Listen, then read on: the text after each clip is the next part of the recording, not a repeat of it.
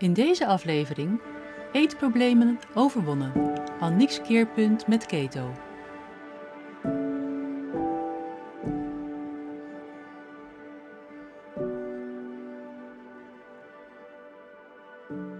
Welkom in de Keto Podcast, Aniek. Heel fijn dat je te gast wilt zijn en jouw persoonlijke verhaal wilt delen vandaag. En naast dat je als professional werkt met een ketogeen voedingsplan, heb je ook zelf hele bijzondere ervaringen daarmee. Maar ehm, voordat we daarna gaan luisteren, wil ik je eerst vragen om wat meer over jezelf te vertellen. Ja, uh, ik ben Annick Scholiers. Ik woon in België. Uh, ik ben uh, moeder van drie, drie dochters. Ja. En ja, ik heb een vrij lange ervaring met eetstoornissen. En ja, ik heb een hele zoektocht achter de rug om daaruit te geraken. Nu ben ik daar eindelijk uit, volledig. En ja, uh, als gevolg daarvan, van die zoektocht en van de passie die ik nu gekregen heb voor voeding en gezondheid, uh, heb ik mijn oude job bij de pharma vaarwel gezegd.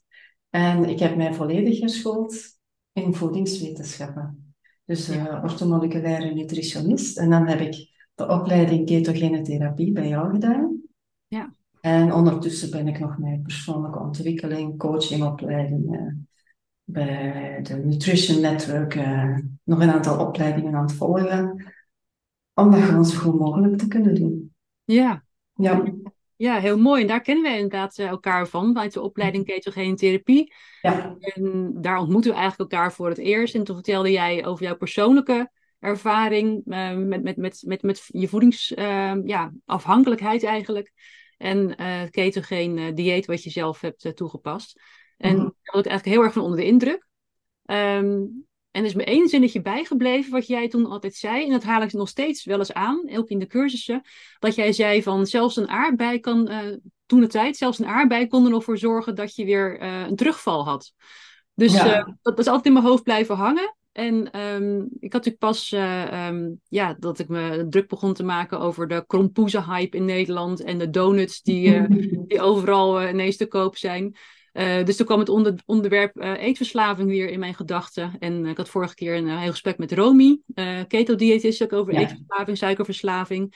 En toen dacht ik, ja, het zou heel mooi zijn als jij ook jouw verhaal kunt vertellen. Want dat vind ik een heel erg mooi verhaal, een heel echt verhaal. eigenlijk is het geen verhaal, het is gewoon jouw, jouw ervaring. Mm -hmm. En ik denk ook dat andere mensen die hiermee te maken er ook ja, wat van kunnen leren. En misschien ook ja, hoop eruit kunnen putten. En um, ook ja, ze kunnen gaan zien dat er een, een weg uit is, uit die suikerverslaving. Ja, absoluut. Ja. ja. Het, is net, het is net daarom dat ik eigenlijk uh, ja, het aandurf om er toch over te spreken. Want het is niet vanzelfsprekend om daar nee. naar buiten te komen. Nee. Maar ik doe het gewoon uit, in de hoop dat ik iemand kan inspireren. En kan aanmoedigen om toch een beslissing te pakken ja. uh, diezelfde kant uit te gaan. Want het is absoluut mogelijk. Ja, ja nou super mooi dat je dat wil doen. Uh, maar laten we beginnen bij, uh, ja, bij het begin. Wat, wat, wat ja. speelde er bij jou? Wat, uh, kun je wat over je verleden vertellen daarin? Ja, uh, eetstoornissen begint dikwijls in de tienerjaren, maar bij mij begon het eigenlijk pas rond mijn 23ste. Maar als ik, eigenlijk als ik terugkijk naar mijn jeugd, waren daar toch ook al wel wat tekenen zichtbaar. Uh, als kindje, zeker tot 12 jaar, was ik zo heel verlegen, heel timide, weinig zelfvertrouwen. En ik had ook een buikje. Ik was een mollig kindje en ik was daar helemaal niet blij mee. En ik had ja, weinig zelfvertrouwen. Dat maakte mij echt onzeker. En ja, tot 12 jaar viel het nogal mee. Ik had goede vriendjes, ik was gelukkig. Maar toen ik naar de middelbare school ging, dus tussen 12 en 18, dan was ik echt een magneet voor pestkoppen. Ja. Door mijn manier van gedragen was ik echt een magneet voor pestkoppen. En dat heeft het allemaal veel moeilijker gemaakt. En ik, ik zelf veranderde daardoor veel. Want uh, ik probeerde mij zoveel mogelijk onzichtbaar te maken, stilletjes op de achtergrond, nooit mijn mening zeggen, ik ging ontzettend people pleasen, zorgen dat iedereen tevreden bleef. Mm -hmm. Ik werd perfectionistisch, alles perfect, zodat ik geen commentaar kreeg. Dus ik ging heel hard leven naar de mensen rondom mij, in plaats van hè, bij mezelf te blijven. Qua diëten, dat kon ik toen nog niet, tot 18 jaar, omdat ik thuis woonde. Ik had zelf geen keuze over mijn voeding, maar ik kon wel veel bewegen. Dus om mijn gewicht een beetje uh, in te tonen, ging ik heel veel sporten. Ik ging lopen, ik deed op de kamer Calanetics. Ik heb ooit nog uh, fitness gedaan met Jane Fonda video's. Dus ja, dat was ongeveer hoe oud ja. ja. Uh, ik ging heel veel turnen en yoga doen. Alles om die kilootjes toch, of toch een beetje beter in mijn vel te zitten. Maar er was nog niks compulsiefs aan de hand, zeker niet. Maar uh, toen ik 23 werd, toen... ik had mijn hogere studies al achter de rug, maar ik wou toch nog een jaartje unief doen, omdat dat mij interesseerde. Maar ik moest dat dan zelf financieren. En ik had heel weinig cent. Ik had destijds een 300 frank. En ik denk dat dat 15 gulden is. Ja. ja. Nu 7,5 euro. Ja. Om een week toe te komen. Met vervoer en voeding. Dus ik kocht mij één klein broodje, één pot confituur, één liter melk en twee bussen Bosto rijstpap. Dus eigenlijk had ik niks dan koolhydraten. En heel, heel weinig. Maar ik had daar zo'n heel gestructureerd leventje en dat ging heel goed. En op een half jaar tijd was ik 12,5 kilo kwijt. Dus ja. Ik vond, dat, ik vond dat heel leuk. Ik vond dat supergoed. Je kreeg zo eindelijk een beetje positieve aandacht naar mijn lichaam toe. Dus ik hield dat vol. Maar in het weekend, als ik dan van kot naar huis ging, dan, uh, merkte ik toch wel dat ik het stevig kon dooreten. En af en toe gebeurde het dan ook eens dat ik echt ging overeten, dat ik echt de controle kwijt was. Ja. Uh, ik ging dan ook meer en meer zo snoep verstoppen in de kamer, zodat ik stiekem hè, uh, ja, echt kon schrokken. Dat, is, dat was niet meer eten, dat was echt snel, snel schrokken, zoveel mogelijk in één keer. Dus daar is mijn eetgedrag toch wel heel wat extremer geworden. Ja. En ik ben dan uiteindelijk met die opleiding gestopt, omdat dat mentaal veel te zwaar was voor mij. En toen ging ik werken en alleen wonen. En toen had ik ineens de totale vrijheid. Wat op die moment voor mij niet zo goed was. Nee. Um, want er is nog heel weinig eten, plus veel sporten. Ik had daar fantastische resultaten van. Maar hij is daar toen echt uit de hand gelopen. En uh, ja, eigenlijk had ik alleen nog maar brood, Kellogg's cornflakes, niet gesuikerd, ja. um, en magere melkproducten. En een beetje fruit, appels. En tussendoor had ik dan, uh, dronk ik dan vier blikjes cola light. En voor de rest veel koffie, veel water, om die honger toch maar te onderdrukken. En dat is altijd minder en minder en minder geworden. En ik steeds meer en meer bewegen in de fitness. En op mijn dieptepunt had ik nog slechts een halve groene appel per dag. Want een rode appel had te veel suikers en één cola light. En dat was het. Voor de rest was het uh, werken en dan na mijn werk nog een uur cardio, een uur gewichtskrachttraining uh, in de fitness. Dus met dat evenwicht ging daar volledig, volledig fout. Ja. En de focus ging volledig naar eten en bewegen toe. En op dat moment woog ik nog 51 kilo, maar mijn doel was naar de 49. Die vijf moest eraf. En ik had alleen nog die cijfers in mijn hoofd. Heel mijn leven draaide om die focus op voeding en zoveel mogelijk bewegen. Ja. En ja, in therapie gaan, dat kwam toen eigenlijk gewoon niet meer in, niet meer in, sorry, niet in mij op. Nee. Omdat ik, uh, ik zag het probleem niet. Ik was slank en dat was goed en dat was oké. En dat daar veel klachten bij kwamen, dat vond ik niet zo erg. Nee, klachten zoals? Ja, ik had heel veel hoofdpijn, bijna de hele dag door. Ja. Uh, spierpijn, gewrichtspijn, uh, pijn in de nek, zo'n droge huid, droge haren. Ja, al die tekenen van uh, ondervoeding en dehydratatie. Ja. Maar ik gaf er eigenlijk weinig aandacht aan. En dan, ja, dat kan niet blijven duren natuurlijk. Hè. Een halve appel en een cola light, uh, daar kom je niet meer rond. Zeker niet met die vorm van fitness die ik daar nog eens bij deed. Dus die drang naar eten, die werd altijd maar groter en groter en groter. En op een duur was het moeilijk om dat te onderdrukken. Dus een keer kwam ik van de fitness. Ik beefde. Ik stond echt te, knikken op mijn knieën. Ik heb de bus gepakt naar de winkel. Ik heb mijn rijstpap gekocht, verschillende blikken. Ik ging naar huis en ik heb niet één blik, maar twee blikken tegelijk opgegeten. Van die Bosto rijstpap. Ja. ja. In een roes. Ik was echt in een roes. En toen drong het tot mij door van... Oh, ik heb zoveel calorieën binnen. Ik, ik was gewoon van één blik te eten, af en toe. Nu had ik er twee opgegeten. En dat, dat klikte echt niet in mijn hoofd. Dus ik schoot in paniek.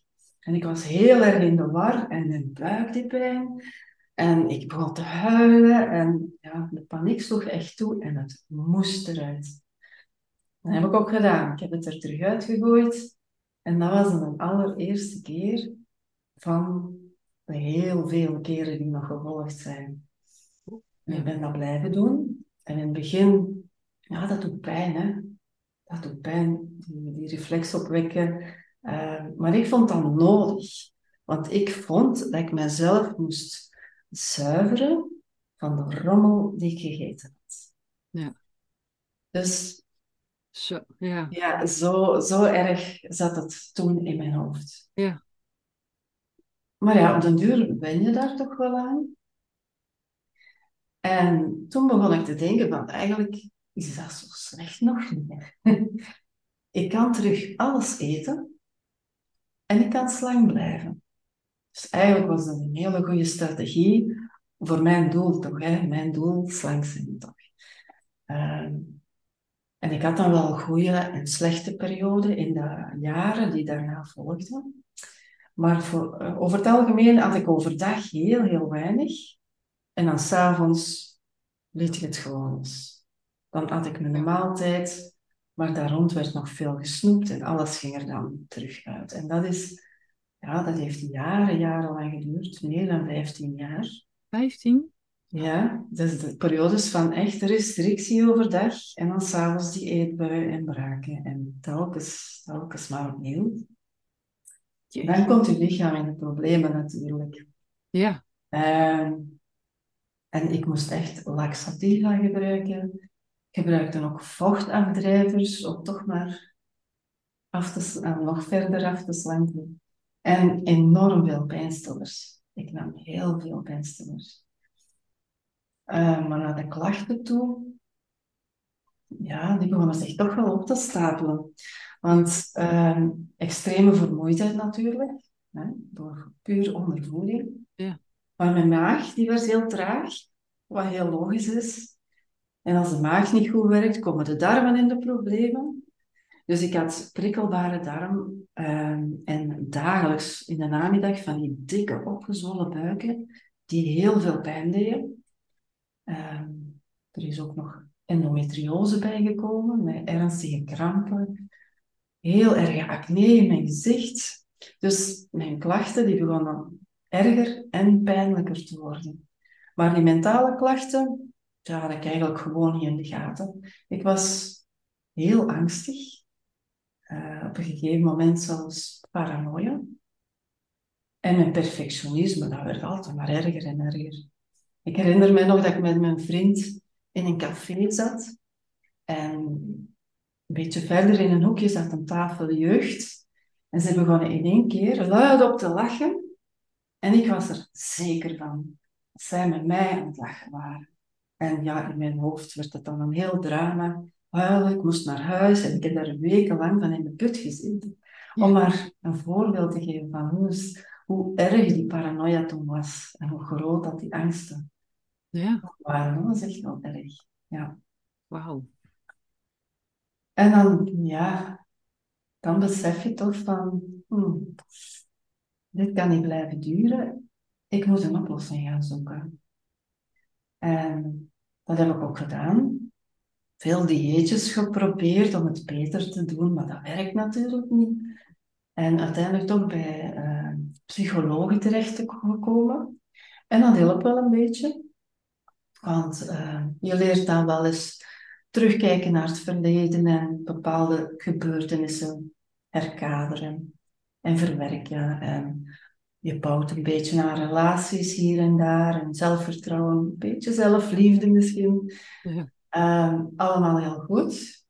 Maar telkens die psychologen begonnen te spreken, of het zelfs maar het woord opnamen, in de mond namen, dus opnamen in een ziekenhuis, dan was ik er vandoor. Dan belde ik gewoon mijn volgende afspraak af en ik kwam nooit meer terug. En zo ging ik van psycholoog naar psycholoog naar psycholoog. Uiteindelijk ook een psychiater. Maar nee, dat was... Uh, dat werkte voor mij niet. Nee. en, um, maar ik heb er veel bij geleerd en het lukte dan soms wel eens enkele dagen om geen eetbuien te hebben. Dat was al een prestatie op zich. Ja. Uh, maar uiteindelijk herviel ik altijd, elke keer weer opnieuw. En eigenlijk was dat onbegrijpelijk, want ik had ondertussen een superlieve man. Ik heb drie prachtige dochters. Ik had een heel goed betaalde job. Een huisje, een tuintje, boompje, hondje, poesje, alles wat je wilt. Ja. Om gelukkig te zijn. En toch kreeg ik gewoon geen vat op die eetstoornissen. En elke morgen beloofde ik mezelf, vandaag ga ik beter zijn. Vandaag doe ik het niet. Maar dan kwam er toch een eetbui. En na elke eetbui opnieuw beloofde ik mezelf, met de tranen in de ogen voor de spiegel, van dit nooit meer. En elke keer gebeurde het opnieuw. Ja. Dus uh, die, ik zat echt in de pan. Helemaal vast, helemaal gevangen. Ja. Door die eetstoornis. Uh, ja, dat ging echt wel heel diep. Uh, en dan in 2015, dus dat heeft echt veel jaren geduurd, ja. ging voor mij het licht uit. Burn-out. Moest gebeuren, hè. Ja. Uh, ja, fysisch en mentaal zat ik er helemaal door. En ik heb twee jaar plat gelegen. Geen stap vooruit gezet. Twee jaar plat gelegen? Twee jaar in de zetel gelegen. S'morgens eruit, kindjes helpen, kindjes naar school, naar huis. Plat. Niks doen. En s'avonds met tegenzin eten gaan maken en zo. Mijn dagroutine doen. Maar uh, ja, dat waren twee verloren, compleet verloren jaren. En dan zat ik dan, hè, ik hele dagen alleen thuis. Ik met mijn gigantische emoties. Ja. En daar zijn die eetbuien nog erger geworden. Tot ik op een gegeven moment zelfs uh, vier grote eetbuien per dag had. Dus uh, dat was echt erg. Dat was echt erg. En omdat ik dan zo moe was, kon ik ook niet meer sporten. Dus de kilootjes kwamen erbij. En dan spreek ik over drie, vier, vijf kilootjes misschien, echt niet veel. Valt nog mee, zou je zeggen. ja, ja, ja, ja. Maar dat kon er bij mij niet in, in mijn hoofd. Het gewicht dat omhoog ging. Ik, had toen, ik, ik zat toen niet meer aan de anorectisch gewicht van 51. Ik zat zo rond de 60 of zo. Dus dat was al iets beter. Maar toch kon ik dat niet nemen dat die kilo's er nog eens bij kwamen. En dat mocht dus echt niet gebeuren. Hè. Dus ik ging dan op zoek naar mijn volgende, naar mijn volgende dieet. Het, het zoveelste dieet. En op internet had ik beelden teruggevonden van mensen die keto hadden gedaan. Die voor- en na-foto's van mensen die echt meer dan 50, soms meer dan 100 kilogram vetverlies hadden door keto te doen. Uh, en die mensen die zagen er gelukkig uit. Die zagen er fantastisch uit. Ja. Um, En ik vond dat heel indrukwekkend. Dus dat had direct mijn aandacht. Ehm, maar ergens vond ik dat toch moeilijk om te geloven, want ik had heel mijn leven vetvrij geleefd, calorietjes geteld. En nu moest ik dan ineens gaan geloven dat vet eten mij slank zou maken. Dus dat was even een hele moeilijke om te verwerken. Ja. Dat leek me echt te gek. Maar toch, die foto's die waren zo overtuigend dat ik het dan toch gedaan heb. Dus ik heb mij een beetje ingelezen. Ik heb mijn wetenschappelijke achtergrond. Dus ik heb mij een beetje ingelezen. Een paar summits gevolgd. Een boekje gelezen. En uh, ik heb dan zelf een eetplan in elkaar geknutseld. Uh, en dan ging ik aan de slag. Hè. En ja, dat was moeilijk natuurlijk, omdat ik die moest afkicken van de suikers, van hele grote hoeveelheden suikers. Dus in het begin was dat echt wel heel, heel moeilijk. Ja. En ik had ook te weinig kennis om het echt goed te doen. Ik durfde nog niet genoeg vet eten. En dat we veel zout moeten eten, wist ik eigenlijk toen nog niet. Dus ik had een monster van een ketogrip. Ja. Maar die foto's. en ik was het gewoon van dagelijks hoofdpijn te hebben. Kom, een paar pijnstillers erbij. En ik heb mij daar doorgeworsteld. Zo. En na een drietal dagen merkte ik dat ik al lekkerder in mijn kleren, kleren zat. Vermoedelijk door waterverlies. Dan, hè. Ehm, en dat ging dus goed. En ik bleef dat volhouden. En na drie weken merkte ik ineens dat mijn uh, dikke opgezwollen buiken, die pijnlijke buiken, dat die weg waren. Volledig, volledig weg. Platte buik van s morgens tot s avonds. Uh, ik merkte ook dat die heel donkere gedachten en die ergste angsten, dat die ook weg waren. En nu lijkt me dat logisch, hè? betere darmen, beter gemoed. Ja. ja? Maar uh, ja, dus die darmen, die depressie, dat was weg. Wat was er nog? Ik durfde terug te eten. Dat, is, dat was eigenlijk het belangrijkste van alles. Ik durfde terug te eten zonder het eruit te gooien. En een drang naar suiker na een week of drie was al heel veel verminderd. En ik kon toch al enkele weken dus zonder eetbuien leven. Ja. Dus geweldig, hè? Keto heeft daar echt voor gezorgd dat ik die, die cyclus van restrictie en overeten en braken, dat ik die cyclus kon doorbreken. Ja. En dat ik mijn lichaam kon beginnen voeden. Dus dat, is, dat was een gigantische stap vooruit. En ik ben ervan overtuigd dat keto voor mij het, het begin is van mijn weg terug naar boven. Ja. Dus dat is echt wel super duidelijk. Maar ja, dat was nog niet perfect, want om de zoveel weken had ik weer terug een eetbui. En dan elke keer, ik raakte dus niet keto geadapteerd. Ik was kort in ketose, maar dan ging ik er weer uit natuurlijk. Had ik weer moeite om terug te beginnen, ketogeen eten, om terug echt in ketose te geraken. Dus ik was er nog lang niet. Hè. En uh, toevallig, of niet toevallig, ik weet het niet, kreeg ik uh, in mijn mailbox drie video's van iemand die over suikerverslaving praatte. En dat is een dame uh, die een, een, bedrijf heeft en dat heet Bright Line Eating. Bright Lines, dat zijn um, afspraken met jezelf, heel strikte regels waar je je aan houdt om beter te worden. Um, en in die drie video's vertelde zij heel haar levensverhaal over suikerverslaving en hoe dat ze telkens bij vallen en opstaan er bovenop gekomen is. En ik herkende mij volledig in haar verhaal. Dus ik ben haar beginnen volgen. Ik heb haar programma's gevolgd. En ja, ineens begreep ik waarom het voor mij altijd zo moeilijk geweest is om te stoppen. Ja. En telkens beloven aan mezelf van te stoppen, maar het lukte gewoon niet. Keer op keer. Nu begreep ik dat, omdat ik suikerverslaafd was. Ik had daarvoor van suikerverslaving nog nooit gehoord. Nee. En nu begreep ik ook waarom keto dan wel hielp voor mij. Want hè, die cirkel doorbreken, mijn lichaam toch beginnen voeden en tegelijkertijd mijn triggers elimineren. Dus dat was de manier waarop keto voor mij wel werkte. Ja. En zij, ze had vier basisregels, de four bright lines.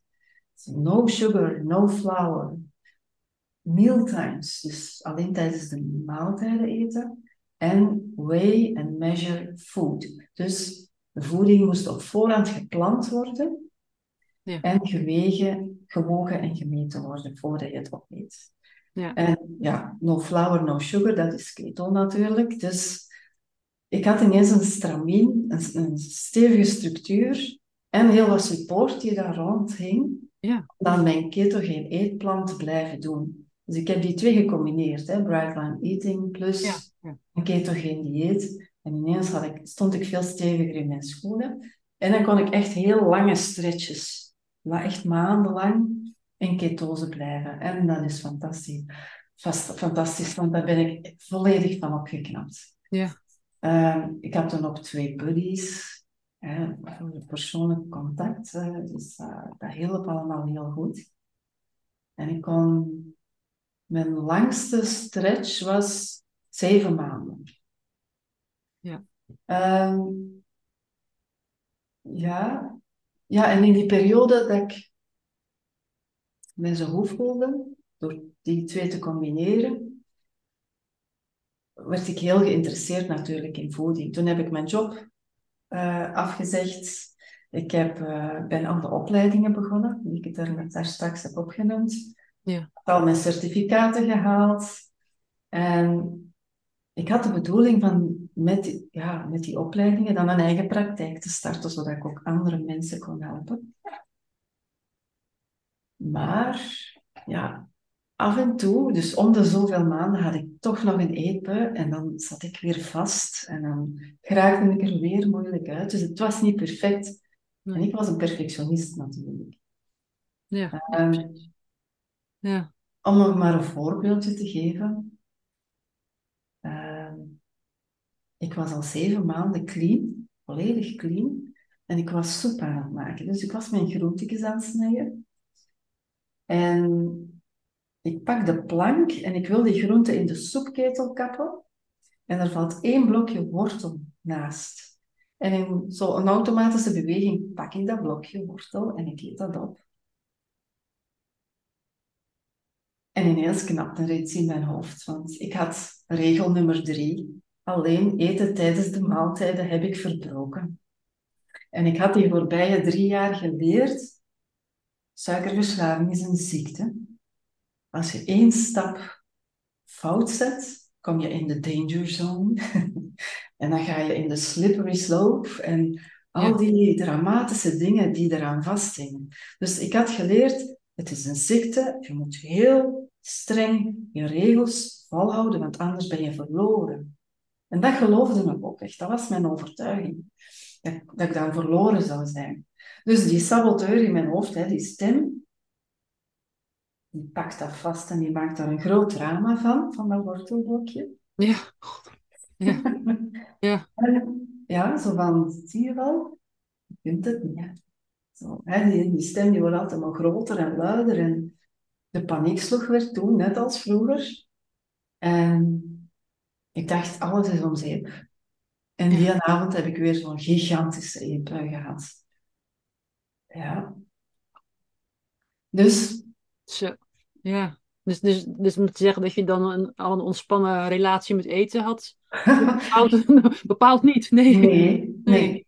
Nee. Die bright line eating gaf mij zo misschien een reddingsboei om aan vast te houden. Maar ik, was nog niet op het droge, zal ik zeggen. Nee, nee. Hè? Ik wist, de keto is de oplossing en keto is voor mij voor altijd, voor de rest van mijn leven, de oplossing. Maar, ja, om te blijven die goede vo- voedingskeuzes te maken, die hoofdschakelaar zit hier, hè. Ja, Die zit in hoofd. Ja. Ja. Dus ja, ehm, ik miste dus blijkbaar nog iets om het echt gemakkelijk te maken. Het was nog te ja, white knuckling it, zeggen wij. Ja, Het was nog te moeilijk, eigenlijk. Ehm, maar ik bleef wel zoeken. Maar ik als perfectionist, ik wou dus niet aan mijn praktijk beginnen. Want je saboteur zegt dan, wie gaat er in godsnaam komen naar een nutritionist die zelf nog problemen heeft met eten? Dat is een geldige reden, dacht ik. Dus ik vond dat ik nog een opleiding nodig had. En ik ben dan in de persoonlijke ontwikkeling gegaan en een coachingopleiding gevolgd. En daar heb ik echt wel die laatste knopen, bij wijze van spreken, eruit kunnen halen. Ja. En daar moet ik zeggen dat ik eh, echt toch wel een aantal heel belangrijke dingen nog heb kunnen ontdekken. Waar ik, aan, eh, waar ik nog moest aan werken. Hè. ja, Ehm, om dat kort even samen te vatten, wat waren dan die drie dingen die zo belangrijk waren? Een eerste ding is die eh, focus. Focus op de juiste plek leggen. Want ik zei daar straks van, in Bright Line Eating gaat de focus op de ziekte.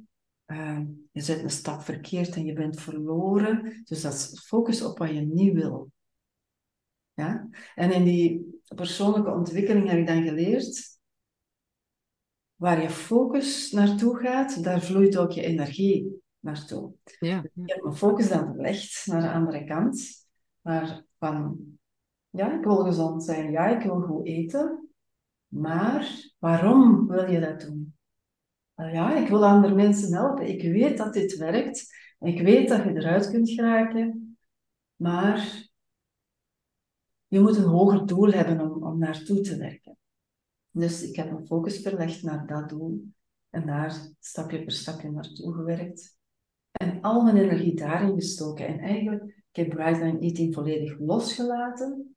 Ik heb zelfs mijn buddies losgelaten, zodat ik zo weinig mogelijk sprak over Ja. suikerverslaafd zijn. Want Ja, da- ja. daarmee geef je jezelf zo een identiteit. ja, Ik heb het losgelaten. knap hoor. Ja, Dus dat was al een hele belangrijke. Het tweede, wat nog belangrijker was eigenlijk, zeker in het begin, als je, eh, het is absoluut noodzakelijk om met die innerlijke tweestrijd te leren omgaan. Dat was echt heel belangrijk, want ja, of je nu eetstoornissen hebt of helemaal niet, iedereen hoort dus die twee stemmen in zijn hoofd. Dat is zo die spreekwoordelijke duiveltje en engeltje. hè. ja, ja, Iedereen herkent dat wel. Ehm, en die twee stemmen, dat is enerzijds de stem van je ziel. Voor mij is dat dan de Annick die echt gezond wil worden en supergoeie mama wil zijn en een goede partner wil zijn en een praktijk wil uitbouwen en andere mensen wil hebben. Dat is de gedachten die in mijn hoofd komen, die naar dat doel, die mij naar dat doel helpen trekken. Ja. Dat is de zielstem. ja, Maar dan is er ook nog die andere stem, hè, die saboteur, die veel lawaai maakt. Dat is eigenlijk een stem die eh, meer vanuit je lichaam komt. Snap je? Dus ego. Ja, Dat is, dat dan eigenlijk bijvoorbeeld cravings. Dat is een drive die vanuit je lichaam komt. Een sensa- sensatie die vanuit je lichaam komt, maar waarbij gedachten gevormd worden, die je aanzetten tot toegeven aan die sensatie. Dus krijg je honger, dan krijg je gedachten van ik wil eten, en dan wordt, wordt, wordt je gedrag daardoor bepaald. Dus die, die ego, die saboteur, dat is eigenlijk meer een stem die vanuit je lichaam komt en die ja, dikwijls negatieve gedachten voortbrengt. Dus, maar veel mensen kunnen die twee stemmen niet uit elkaar halen. Want die klinkt eigenlijk gewoon als je eigen stem. ja, ja, En, maar als je dan leert om die stemmen te onderscheiden van elkaar, en je leert dat die stem, die ego-stem, dat die eigenlijk alleen maar kan praten, die kan mij niet aanzetten om recht te staan, naar de ijskast of naar de snoepkast te gaan en daar iets uit te pakken in mijn mond te stoppen. Want dat is de stem van het, van het onderbewuste. die stem heeft niet de kracht om mijn arm te bewegen en iets te pakken en in mijn mond te stoppen. Als je dat begrijpt, Ja, dan dus weet je van, ja. laat die maar doen. Laat die stem... je, je haalt de kracht die- eruit eigenlijk. Ja, Ja, ja. Ja. Je kan die eigenlijk gewoon in gedachten heel klein maken en die gewoon laten tateren, maar er niet op reageren. Maar wel luisteren naar die zielstem en je doel achterna gaan. En niet eh, die slechte voeding eten. Dus dat is iets heel belangrijk dat ik geleerd heb, om die, Ja. die saboteur gewoon te negeren. Laat iemand tateren en op den duur zwijgt hij ook. Ja. Ja, Ehm, en dan die derde, dat is gewoon jezelf graag leren zien. hè. Ja, wat, wat, wat echt wel frappant was, is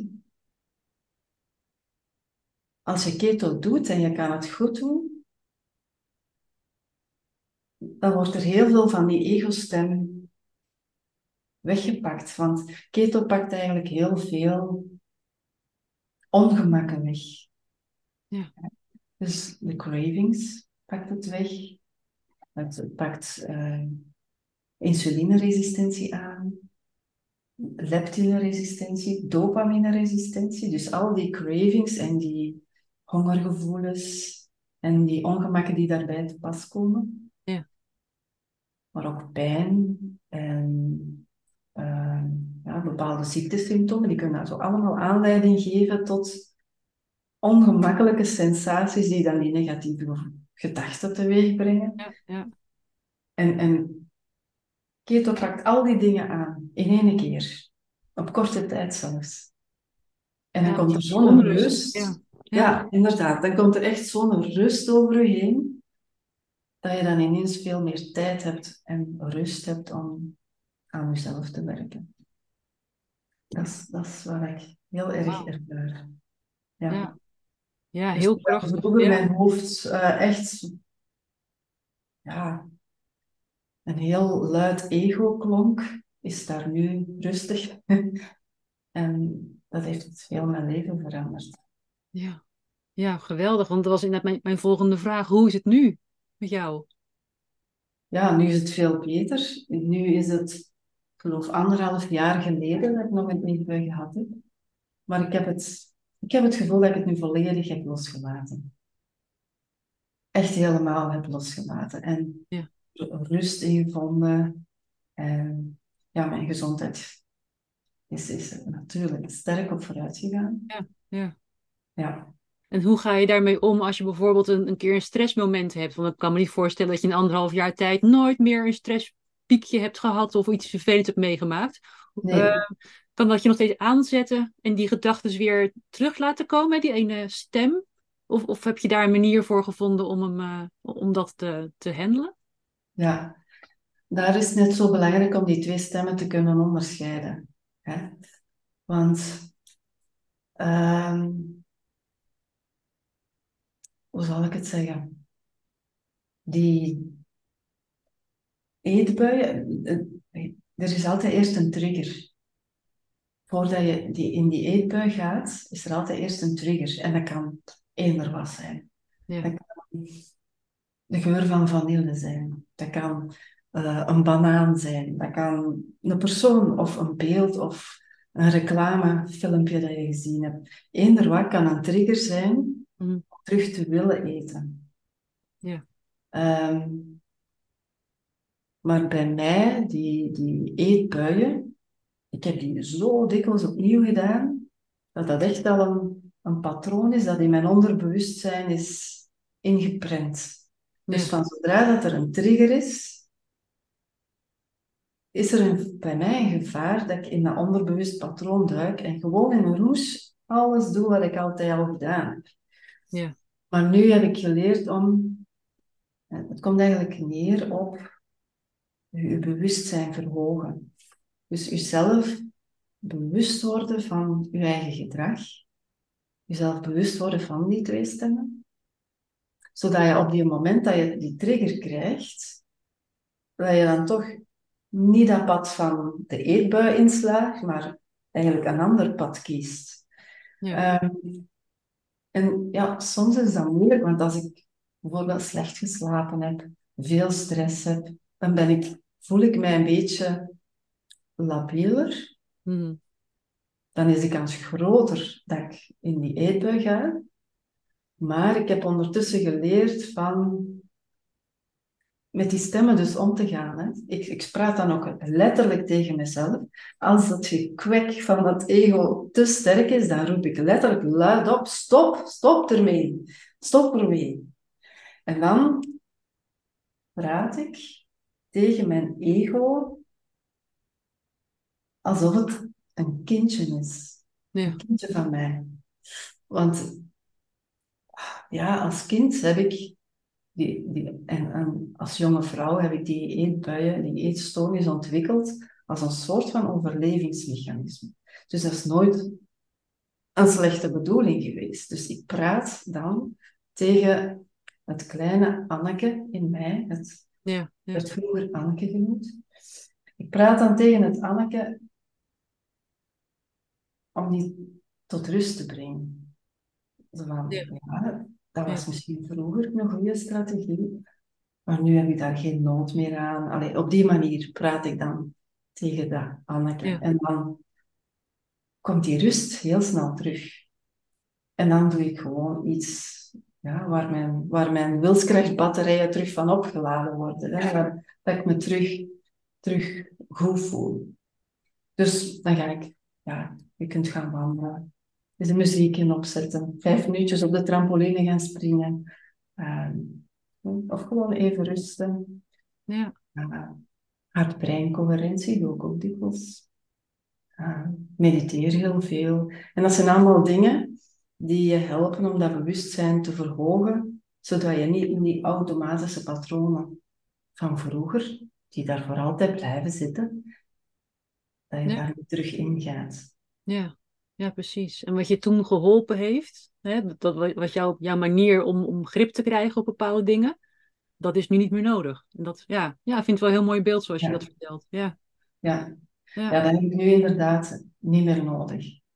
Ehm, maar in plaats van er tegen te vechten, ja, neem ik dat Anneke, dat egootje van mij, bij mij.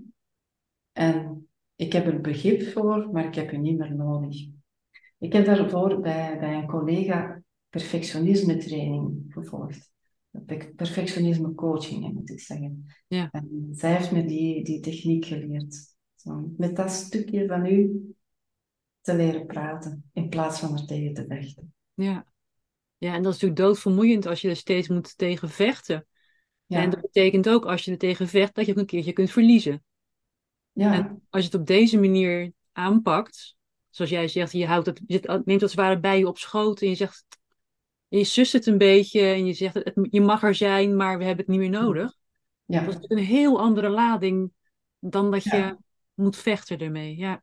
Ja, je zit ook in je vijand als je er tegen moet vechten. Nu is het een deel van jou wat ook gewoon gezien mag worden, maar ja. je wel Mhm. moet beseffen dat dat niet meer zo is. ja. Ja. Ja, Ja. what you resist, Ja. persist, zeggen ze. Hè? Ja. En dan op die manier wordt het iets waar je je energie terug van optilt, in plaats van Ja. dat het een energielek is geworden. Ja. En dat werkt heel goed. Ehm, maar ja, het is steeds minder dat ik die, die drang krijg om... Ik krijg eigenlijk nog zelden die drang om te eten. Ja. Dus het is eigenlijk alles, alles samen, hè, die mindset.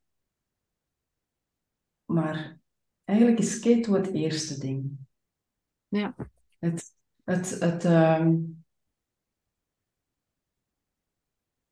Ik ben, ben dus lang al bij die psychotherapeuten geweest.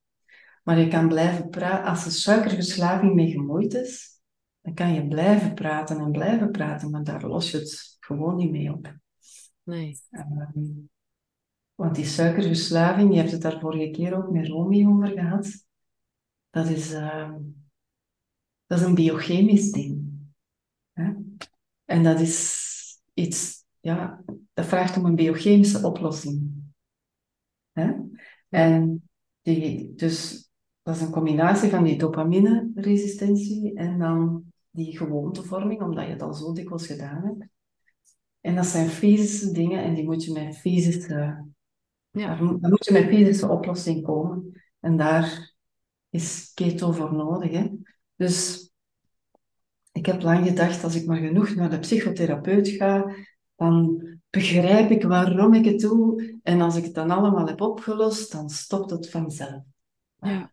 Nee, Ja, inderdaad het mooie van, van, van ketogeen gaan eten, is dat er gewoon rust in het lijf komt. Dat je, ja, je lichaam die fysieke cravings niet meer heeft. En dan, kan je, dan pas kan je gaan werken aan, aan wat in, in je hoofd zich afspeelt. ja, Ja, absoluut. anders blijf je Echt? vechten. Ja, Ja, eerst moet die rust er komen. Ja. Plus, mm, keto heeft mijn lichaam gevoed, zeker ook mijn brein gevoed, zodat die neurotransmitters en zo terug, eh, die energievoorziening terug eh, degelijk kon gebeuren. Ja. En dat heeft daar ook een heel groot effect op gehad. Keto heeft mijn darmgezondheid enorm verbeterd. Dan heb je ook eh, hè, die, de darmen praten met je hersenen, dus dat is eh, een heel groot voordeel daarvan. Maar ook al die, die vetoplosbare vitamine, die mineralen die, die ik zo nodig had. Ja. Keto voedt je lichaam echt. En dan krijg je veel minder die drang om te eten, want ja, dan kom je ook uit dat overlevingsmechanisme. Ja. Tijdens die eetstoornis zat, zat ik constant in overlevingsmodus. En, en hoe is dat nu als je bijvoorbeeld gaat uit eten, als je naar een restaurant gaat en je eet per ongeluk iets waar bijvoorbeeld suikers in zitten, wat je, wat je niet weet. Hoe, wat voor effect heeft dat dan op jou? Ehm, nu eh, heb ik daar, ben ik, ik daar gewoon veel rustiger onder. Een paar maanden geleden was ik in een restaurant gaan eten. En ehm, een slaatje, en daar zat een sausje bij. Ik had niet het idee, ik proefde niet dat het zoet was. Dus ik heb het slaatje opgegeten en blijkbaar voelde ik dat er toch suiker in zat. Ja. Vroeger zou ik gepanikeerd hebben, want oh, ik ben suikerverslaafd en één stap fout en in de ditch. Ja, ja. En dus gaf het dan ook aanleiding tot eh, eetbuien. Maar nu blijf ik daar heel rustig onder. Nu weet ik, oké, ik heb een brein dat een beetje gek wordt van suiker. Maar dan komt het erop aan om mij de volgende dagen goed te slapen, uit, uit te rusten. Zeker mediteren, twee keer per dag misschien wel. Ehm, een wandelingetje doen. Bunny slipper time, noem ik dat soms. Hoe, hoe noem je dat? Bunny slipper time. Oh, Tijd om jezelf een beetje te verwennen. Ja. Eh, jezelf niet te ver te drijven, maar het rustig aan te doen. Ja. Ik weet dan, dat ik dan een, dag of twee, drie toch die aandrang ga krijgen. Misschien sta ik af en toe wel eens in die met die ijskast in mijn handen. En dan denk ik van, nee, de oplossing zit hier niet. Die deur gaat terug dicht. Ja. En dan merk ik dat ik onrustiger ben. Maar door al die andere ja, technieken blijf ik er wel rustig onder. Nu Ja. weet ik van, er zat suiker in. Ik moet ehm, mijn bewustzijn verhogen. Ik moet mijn, mijn rust behouden. En Ja. dan komt alles goed. ja, en dan heb je een hele sterke tool in handen, hè? Ja, absoluut. Ja. Want nu zie ik het anders. Ik zie suikerziekte nu niet meer als een ziekte, maar gewoon eigenlijk een aanpassing van je brein op het gedrag dat je vroeger had. En daar blijft iets van hangen, altijd. Ja. Dat is ook de reden waarom het ziekte genoemd wordt. Er blijft iets van hangen, maar je kan er wel anders mee leren omgaan. Ja. Ja. Ja, mooi. En om daarna gelijk een bruggetje in te slaan, want eh, jij hebt tegenwoordig wel je eigen praktijk opgebouwd. Of ben je in ieder geval mee bezig? Ja. Ehm, help jij ook mensen hiermee? Ehm, tot nu toe heb ik vooral mensen met metabole problemen geholpen. Ja. Maar er zitten natuurlijk ook mensen met emo, eh, ja, emo-eten. Eh, ik heb nu één persoon die echt suikerverslaving heeft. En daar merk ik toch ook, ehm, keto is voor die mensen al 80% van het werk. Ja. En in het begin zijn ze heel gemotiveerd om dat te doen en merken ze ook resultaten. En, uh, en ik combineer dat dan met coaching. Maar als ze bij mij zijn, zitten ze in een traject van minstens een half jaar. En gegarandeerd dat ze in dat half jaar toch wel eens een probleem tegenkomen. Met een, een food pusher. Of er zat toch eens ergens suiker in. En dan komen die probleempjes naar boven. En dan met deze manier van coaching helpen we, help ik hen daar zijn gewoon over. Ja. En dat is eigenlijk ja, een systeem dat heel goed werkt. En dan, dan denk ik wat je net zei, hè, uh, dat dat stemmetje wat in jou zei van uh, wie komt er nou bij een nutritionist die zelf problemen heeft met voeding. En dat is nou jouw jouw kracht juist. Omdat je weet hoe het is. Ja, ja heel mooi. En ja, even, ik kan, ja, kan me heel goed inleven in, in ja, de situatie die ze meemaken. Ja, ja. Um, er is ook nul schaamte, want ik spreek er nu gewoon openlijk over. Vroeger ging daar een heel dikke laag schaamte over en geheimhouding. En, maar dat maakt het veel gemakkelijker om met elkaar te praten. Er is geen schaamte, er zijn enkel situaties die kunnen opgelost worden. Ja, ja. Dus ja dat zeg je heel mooi. Ja. ja, dat maakt dat we een goede klik hebben en, en er wel doorkomen. Ja. Ja, super. Nou ja, weet je, ik zou nog heel lang kunnen doorspreken, maar ik zie dat we wel aardig, uh, aardige tijd bezig zijn intussen. Um, als er nu luisteraars zijn die, um, ja, die hier meer wel over willen weten, en ik vermoed echt wel dat die er volop zijn, als ik, uh, als ik ook reacties zag op de vorige post en hoe vaak al de vorige uitzending is beluisterd over suikerverslaving. Als mensen met jou in contact willen komen, waar, waar kunnen ze jou vinden? Ja, ik heb uh, een website, voluitketo.be. Ja, ik zal de link ook in de tekst zetten. Ja. ja, en daar is een contactformulier te vinden, ook heel wat informatie te vinden. Uh, ik heb ook een, een Facebook-pagina. Oké. Okay. Annick Scholiers Keto en Mind Expert.